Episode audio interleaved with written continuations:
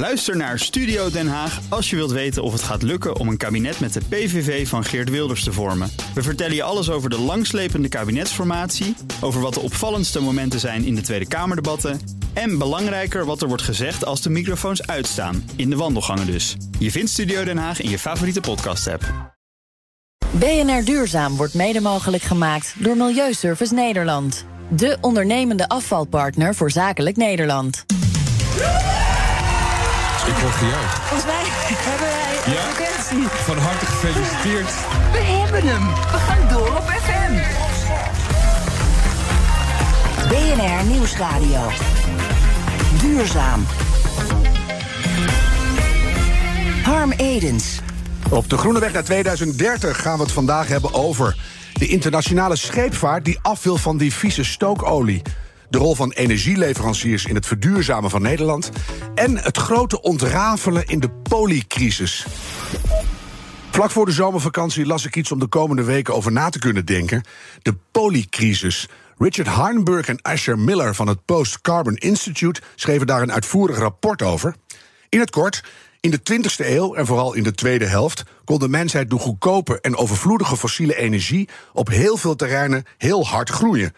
Nu de klimaatverandering ernstige vormen aanneemt en grondstoffen opraken, valt de wereld ecologisch en sociaal uit elkaar. De poliecrisis. De mensheid heeft nog nooit zoveel te verliezen gehad en heeft nog nooit voor zoveel uitdagingen tegelijk gestaan. En de grote ontrafeling, wat gaan we houden in de nieuwe wereld die we moeten maken en wat gaan we achter ons laten en kan dat op een vreedzame manier, daar zullen we ons de komende jaren nog flink het hoofd over breken. Was dat misschien het verwarrende inzicht dat Mark Rutte deed besluiten het bijltje erbij neer te gooien? Want de extra vertraging die deze kabinetscrisis gaat opleveren in het aanpakken van de gigaproblemen kunnen we ons eigenlijk helemaal niet veroorloven. Ik ben Harm Edens, dit is BNR Duurzaam en ons groene geweten is deze keer Muriel Arts van Impacting Today. Fijn dat je er weer bent, Muriel. Jij hebt dat klappen van het kabinet gevolgd. Het stikstofdossier ligt voorlopig weer op de plank. Vertraging dus.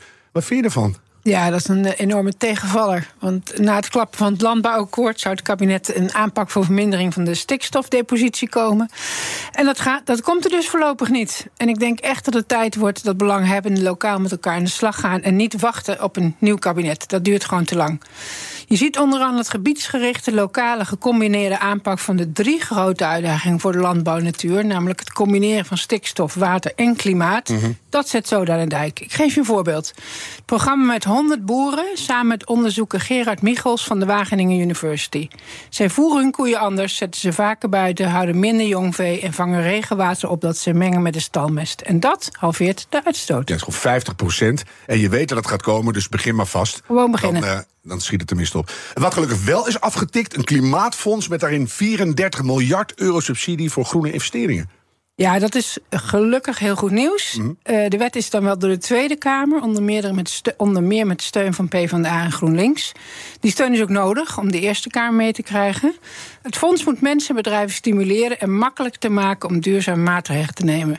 Warmtepompen in huis, elektrische vrachtwagens, geld voor de aanschaf van elektrische auto's. En er komt een aparte club die toezicht gaat houden op de besteding van al die miljarden. Dat is ook goed, hè? Beetje Ook goed. Beetje eh, toezicht. heeft, gaat Astra ook nog zo wat over zeggen. Ja, nou, dat, onze track record met grote bedragen qua overheid is niet zo heel goed. Dan eh, eh, meer nieuws over de scheepvaart. Ik zeg meteen maar eindelijk, want het werd een beetje tijd, hè? Ja, het werd echt wel tijd. 2050 duurt een beetje lang, maar dan wil de internationale scheepvaart CO2-neutraal zijn. Daarover hebben 175 landen, die zijn aangesloten bij de maritieme organisatie van de Verenigde Naties, de IMO, vrijdag in Londen historisch akkoord bereikt. En er is ook een tijdspad voorgesteld. 2030 20% eh, minder CO2-uitstoot en 2040 70% minder CO2-uitstoot. En dan in 2050 helemaal carbonneutraal. Ja. De concrete maatregelen moeten nog wel worden uitgewerkt. Er is de- onder meer duidelijk dat er een wereldwijde klimaatheffing op de brandstof voor schepen komt. En in Europa wordt die CO2-heffing volgend jaar al ingevoerd. Dus Heel dat goed. schiet wel op. Ja. Binnen drie jaar loopt die op tot 100% van de uitstoot. En zo wordt de omslag van sterk vervuilende stookolie op schone brandstoffen snel aangejaagd. Ja, het is ook goed dat Europa voorop loopt, want wij zijn nu officieel het snelst opwarmende continent. Hè? De stookolie waar de tankers nu mee varen is echt hele nare, zwaar vervuilende teer. Hoog tijd dat Ja. dat verboden wordt. Absoluut.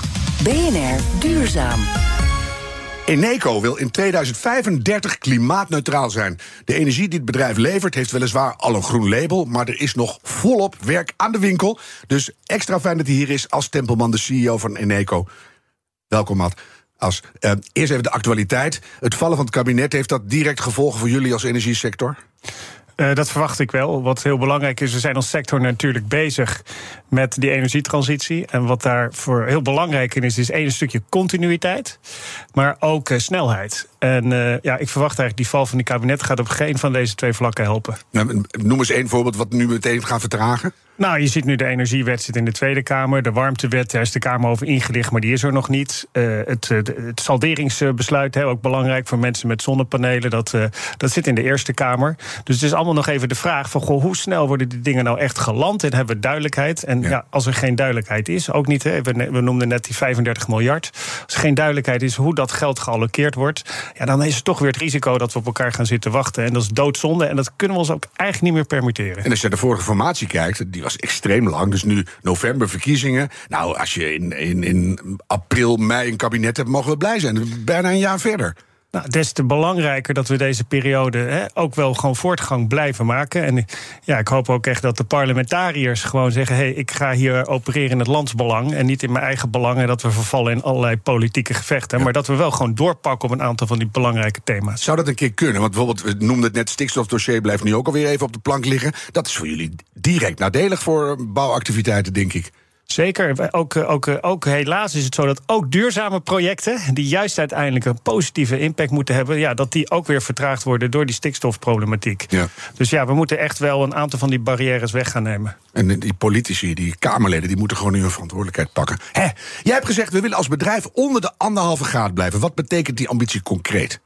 Nou, wat dat concreet betekent is, de, de, de, de broeikasgassen die, gassen die accumuleren zich natuurlijk gewoon in de atmosfeer. Dus je mm. kunt eigenlijk gewoon, we stoten als wereld, als mensheid, zo'n 45 gigaton per jaar uit. En we mogen nog maar 300 of 350 gigaton. En dan gaan we over die anderhalve graad heen.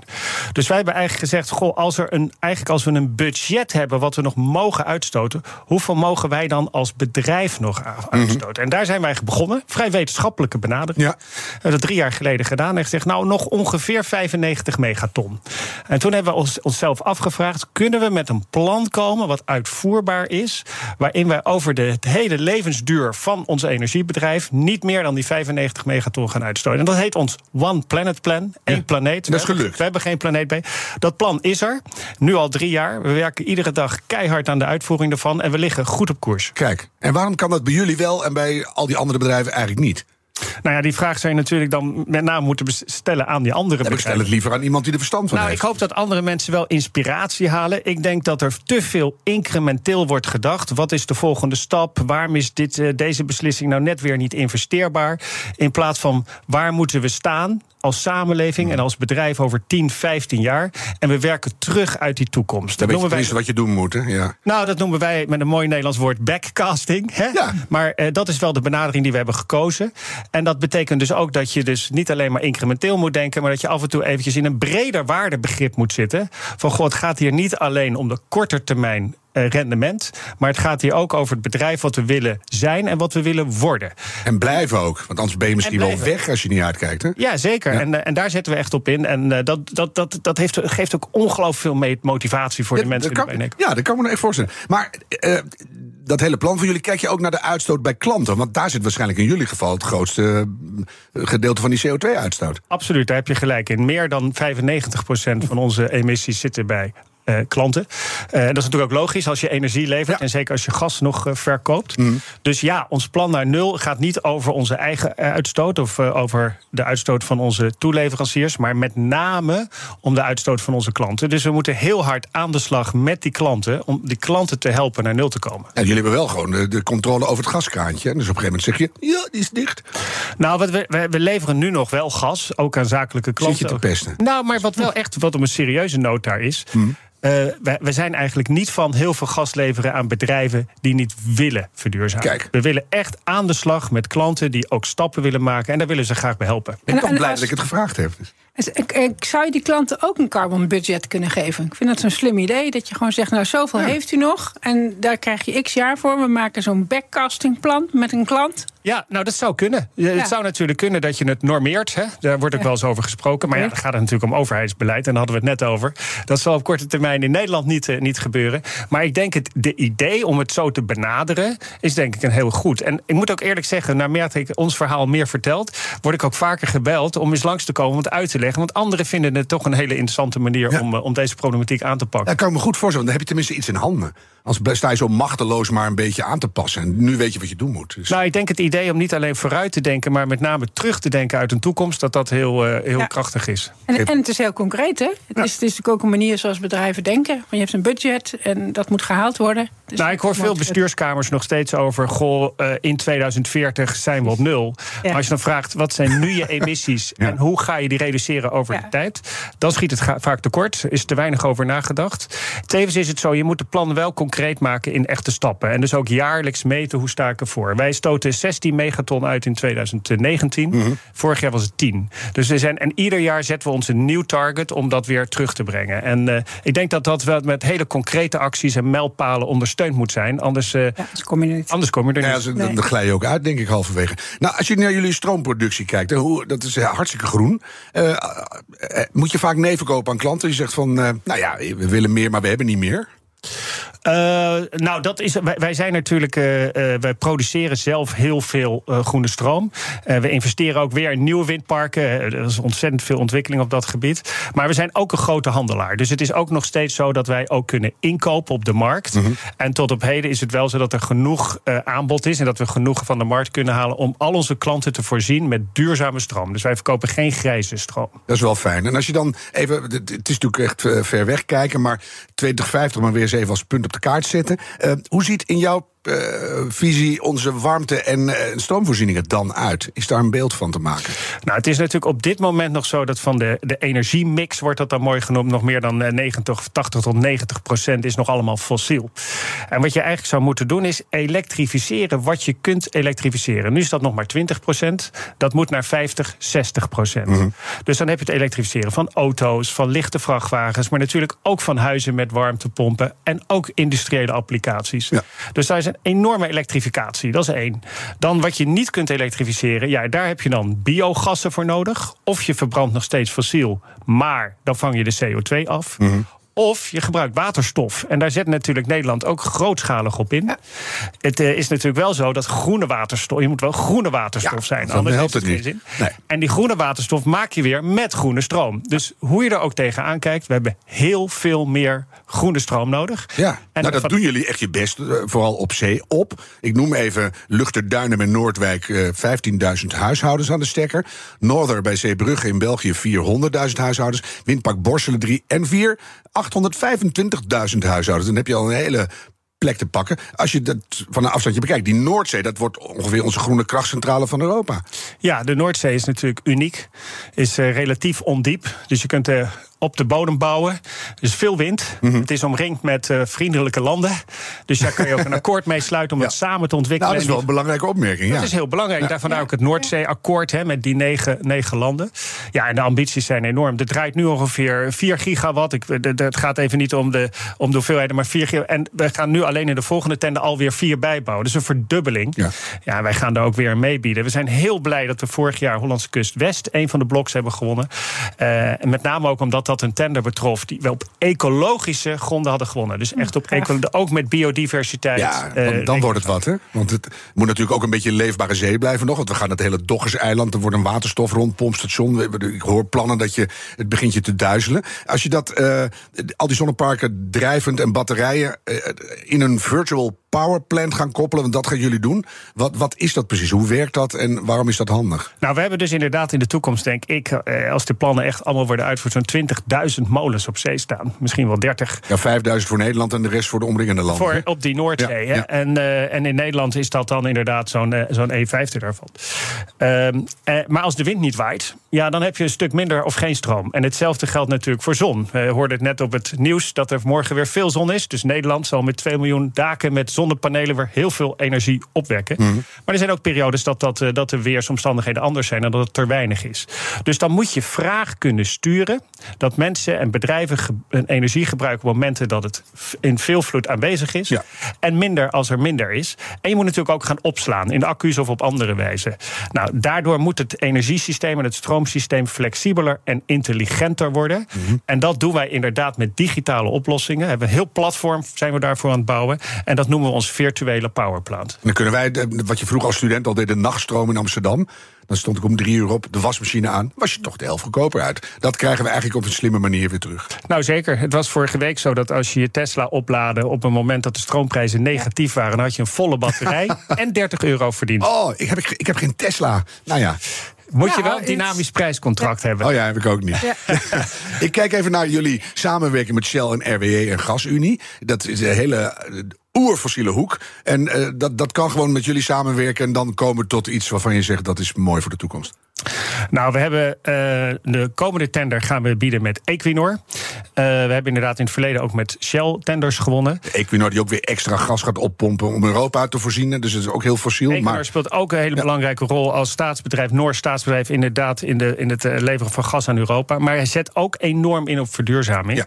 En wat je ziet, dat is toch wel een win-win situatie. In de zin dat wij natuurlijk enorm veel ervaring hebben met nieuwe energievormen en wind en zon. Maar dat zij heel veel ervaring hebben om dingen op zee te bouwen. Die hebben natuurlijk heel veel, wat van dan die offshore eh, Ja. capaciteiten zijn. En als je dat samenvoegt, is het natuurlijk goed. Dus, eh, dus ja, wij werken echt samen met partijen waarvan we denken dat ze A. met ons mee willen in onze visie, maar B. dat we ook echt complementair zijn over wat we kunnen bieden. ja, en misschien slepen jullie zich ook gewoon mee in jullie enthousiasme. Dus eh, dat zie ik wel gebeuren. Ja. En als jij komt uit de sector, je werkte bij Shell voordat je bij Eneco als CEO aan de slag ging, helpt dat? Helpt het dat je al zo lang in een sector zit? Dus zullen we dan, dat je diep fossiele wortels hebt, As? Ja, nou, ieder- iedereen evolueert, ik ook. Mijn, mijn carrière heeft zich ongeveer meebewogen met die energietransitie. Eh, ik moet je wel zeggen dat ik eh, heel bewust heb gekozen om me nu volledig in te zetten voor het bouwen van de nieuwe energiesystemen. Maar op de vraag of het heeft geholpen, die energieketens zijn lang en je moet natuurlijk eh, een transitie in. Ook als je kijkt naar bijvoorbeeld de ontwikkeling van waterstof, dan zit je toch weer aan de moleculenkant. Eh, wordt ook veel geleverd aan raffinaderijen en aan chemiesectoren. Ja, dan heb je wel profijt dat je toch wat kennis hebt van, die, van dat soort zaken. Ja. Ja. En nou is wel zo dat groene waterstof op dit moment vier keer duurder is dan grijze. Hoe gaan we dat oplossen, die, dat verschil in de tussentijd? Ja, dat is, eh, dat is eh, een goede vraag. En dat weerhoudt natuurlijk ook best veel bedrijven van om, eh, om nu te investeren. Er zijn heel veel projecten, maar er worden te weinig eh, investeringsbeslissingen genomen. En dan nog aan gekoppeld hoe succesvoller de, de hernieuwbare energie is, hoe minder interessant om erin te investeren op het moment. Dus ook niet handig. Nou, daarom. Dus daar is, eh, we noemden dat al eerder, een deel van dus die, eh, die enorme klimaatpot. Die moet natuurlijk ook zijn om die waterstofeconomie op te starten. Dus we kijken uit naar de veilingen en de allocatie daarvan. Eh, maar het is ook zo dat een stukje normering helpt. Dus als een stukje waterstof vergroend moet worden, dan weten we dat er al sowieso een markt is. En ja, als naarmate CO2 duurder wordt, ja, zal het toch op een gegeven moment in de money zijn. En ja, je moet nu over je schaduw heen durven stappen en toch investeren in die waterstofproductie. BNR Nieuwsradio. Duurzaam. Harm Edens. Eneco investeert de komende jaren tientallen miljoenen euro's in zon, wind en waterstof. Het bedrijf wil in 2035 klimaatneutraal zijn. Maar hoe denken de klanten daar eigenlijk over? De CEO als Tempelman is mijn gast en Muriel Arts is er ook als groen geweten.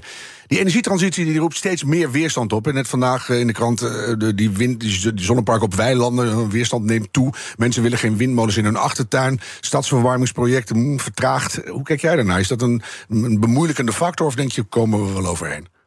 Nou, we, moeten wel heel in de breed kijken naar die energietransitie. Vaak wordt alleen maar gesproken over de technische kant ervan. Maar het is natuurlijk een, heeft een enorme maatschappelijke impact. En we moeten ook zorgen dat energie betaalbaar is. Dat iedereen meenemen in die transitie. Het is ook een heel groot deel een sociale transitie. Eh, en ook eh, ja, zorgen over bijvoorbeeld hoe kunnen we het best ons, de bestemmen voor, voor, ons, voor ons landoppervlak Ja. allokeren. Dat zijn allemaal terechte zorgen. Dus je hebt gewoon een, echt een plan nodig voor het hele land eigenlijk. Nou, je moet echt wel geïntegreerd kijken. Ik ben altijd Ja. een beetje huiverig om te zeggen... we moeten één geïntegreerd plan hebben, want dat komt er nooit. Eh, het moet wel uitvoerbaar blijven. Dat is ook weer waar. Ja. Maar we moeten wel inclusief werken. Heb jij een idee, Muriel, dat we die burgers makkelijk kunnen meenemen? Ik denk als je ze goed informeert en goed luistert. En ik denk, ik ben het heel erg een met As. Dat je, je kan niet één plan maken. Situaties en contexten zijn enorm verschillend. Mensen denken verschillend. En ik denk als je daarin investeert, dat mensen dat uiteindelijk absoluut gaan zien. Kijk, Ja. Je zal altijd wel een paar tegenstanders houden, maar het grote geheel. Ik denk dat Die de we behoefte van luisteren, begrip hebben voor hun situatie en daar oplossingen voor verzinnen. Ja. Dan zou ik niet weten waarom mensen dat niet willen. Waar ik me heel veel zorgen over maak als zijn de grondstoffen. Staal voor windmolens, kobalt voor de batterijen, koper voor de netverzwaring en de transportkabels. Het raakt razendsnel op. Komende tien jaar zitten we echt al in de probleemgebieden. Zet zoet water er ook nog even bij, wat we ook nodig hebben om te drillen en noem maar op. Geopolitieke spanningen. Hoe erg zijn jullie daarvan bewust en hoe flexibel ga je daarmee om? Ja, we hebben altijd gezegd, ons One Planet Plan heeft drie grote risico's. Eén is, kunnen klanten mee? Daar hebben we net over gesproken. Tweede is, is het beleid er? Daar hebben we ook net over gesproken. Maar het derde is, is gewoon het bouwrisico. De bouwuitdaging, kunnen we het allemaal wel? En daar zit ook een, eh, daar zit een element in van, hebben we genoeg handel om het te bouwen? Maar ook hebben we genoeg spullen. Ja. En hebben we genoeg capaciteit in die toeleveringsketen? En daar maak ik me ook wel zorgen over. Zijn er genoeg turbines? Zijn er genoeg eh, eh, schepen? Maar ook zijn er inderdaad genoeg van die schaarse grondstoffen. Ja. En daar, ja, daar moet eigenlijk heel bewust beleid opgevoerd worden.